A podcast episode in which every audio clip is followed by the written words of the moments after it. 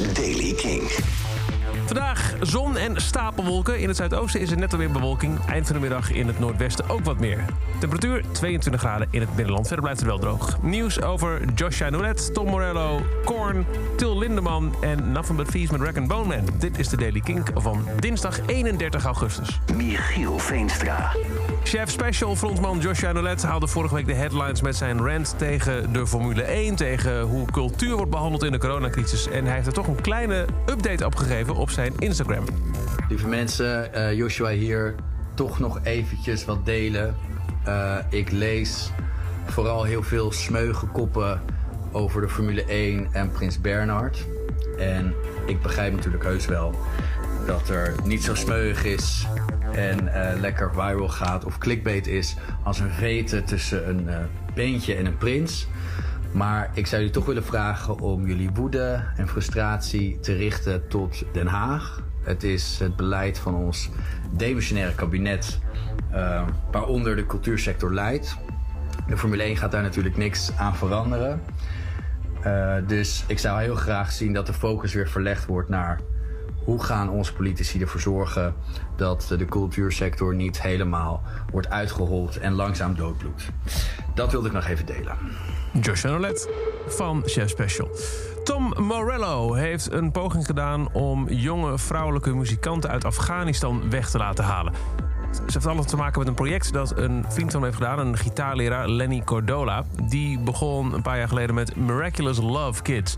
Een organisatie in 2010 gestart om kinderen in oorlogsgebieden muziekles te geven. In 2015 kwam er ook een onderdeel van in Kabul, Girl with a Guitar. Ongeveer 200 studenten hebben daar aan meegedaan. En die hebben op afstand, via Zoom bijvoorbeeld, opnames gedaan met Brian Wilson, Sammy Hagar, Nick Cave. Maar ook met Tom Morello. Tom Morello heeft nu aan de politiek gevraagd in een open brief: red deze meisjes.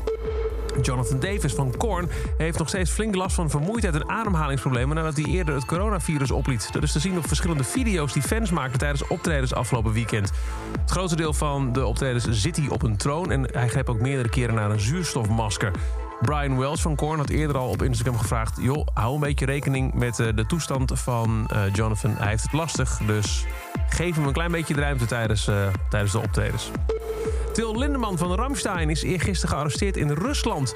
Hij zou eigenlijk moeten optreden daar op het McLaren for Homeland Festival in Tver. Maar uh, ook in Rusland zijn er nog steeds strenge maatregelen als het gaat om festivals. Die mogen niet. Aangenomen is dat hij daarom is gearresteerd. Onderdeel willen uitmaken van een illegaal festival. Ook zijn manager werd aangehouden, Anar Raiband. En die riskeert zelfs gedeporteerd te worden met een permanent verbod ooit weer Rusland in te kunnen. Hij zou met een toeristenvisum naar Rusland zijn gekomen, maar hij wordt verantwoordelijk gehouden voor het mede-organiseren van een ja, momenteel verboden festival. En dan, bijzonder, Nothing But Thieves en Rag Bone Man. Die komen vandaag met een samenwerking live by Misadventure. Vooralsnog is dit het enige wat we tot nu toe hebben gehoord daarvan.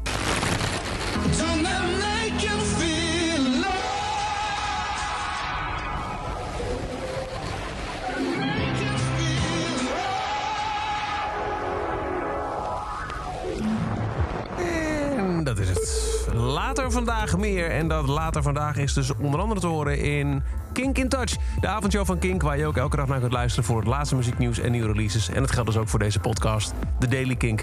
Luister daarvoor elke dag in je favoriete podcast als uh, podcast-app...